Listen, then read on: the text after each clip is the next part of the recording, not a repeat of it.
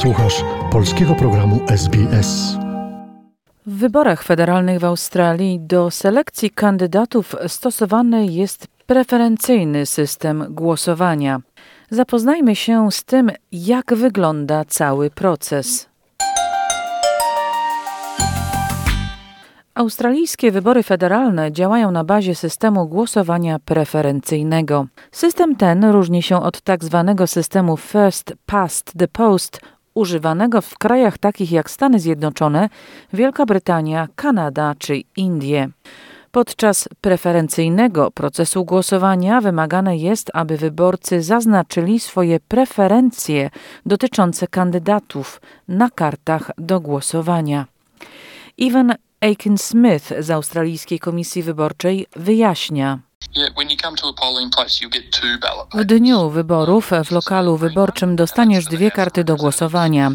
Jedna, ta niewielka w kolorze zielonym, zawiera listę kandydatów do Izby Reprezentantów.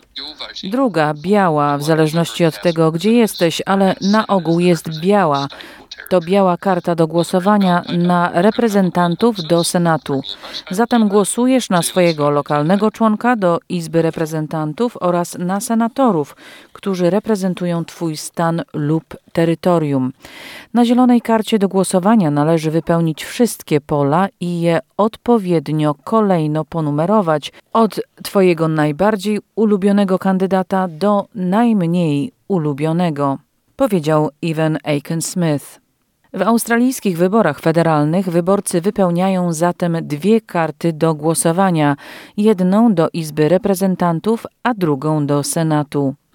W Izbie Reprezentantów wybierany jest jeden przedstawiciel w każdej kategorii, podczas gdy do Senatu wybiera się wielu przedstawicieli. Zaznaczanie preferencji w przypadku każdego kandydata na karcie do Izby Reprezentantów pozwala na to, że można je potem wielokrotnie wykorzystać podczas procesu liczenia, tak aby ustalić, kto uzyskał zdecydowaną większość wszystkich głosów, czyli ponad 50% formalnych głosów. W odniesieniu do Senatu osoba zostaje wybrana wtedy, kiedy liczba głosów zrówna się z tym, co nazywamy proporcjonalną reprezentacją. Wielokrotne przeliczenie głosów określa, którzy kandydaci osiągnęli wymaganą liczbę formalnych głosów i zostają wybrani. Adiunkt Research Fellow Ian Tallock z Uniwersytetu La Trobe mówi, że aby głos się liczył, wszystkie wymagane pola muszą być ponumerowane.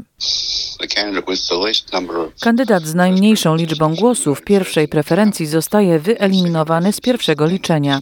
Następnie druga preferencja jest przesuwana na kolejnego kandydata i tak proces jest kontynuowany, aż ktoś uzyska więcej niż 50% głosów. Wówczas wygrywa mandat. Przypomnijmy, karta wyborcza do Izby Reprezentantów jest zielona, a karta do głosowania do Senatu jest biała. W systemie preferencyjnym podczas procesu liczenia głosy są przenoszone między zaznaczonymi preferencjami. Na przykład, jeśli żaden kandydat w Izbie Reprezentantów nie osiągnie absolutnej większości, osoba z najmniejszą liczbą głosów jest eliminowana z liczenia. Głosy oddane na tego wykluczonego kandydata są następnie przekazywane zgodnie z drugą preferencją wyborcy następnemu kandydatowi z numerem 2 na każdej karcie do głosowania. Ten proces liczenia trwa tak długo, aż jeden kandydat nie uzyska więcej niż połowę oddanych formalnie głosów i końcowo zostaje uznany za wybranego. Materiał Stefanii Corsetti opracowała Joanna Borkowska-Surucic, czytała Dorota Banasiak. Zainteresowało Cię? Chcesz usłyszeć więcej? Słuchaj nas na podcastach dostępnych w Apple Podcast, Google Podcast czy Spotify lub w jakimkolwiek innym, który używasz.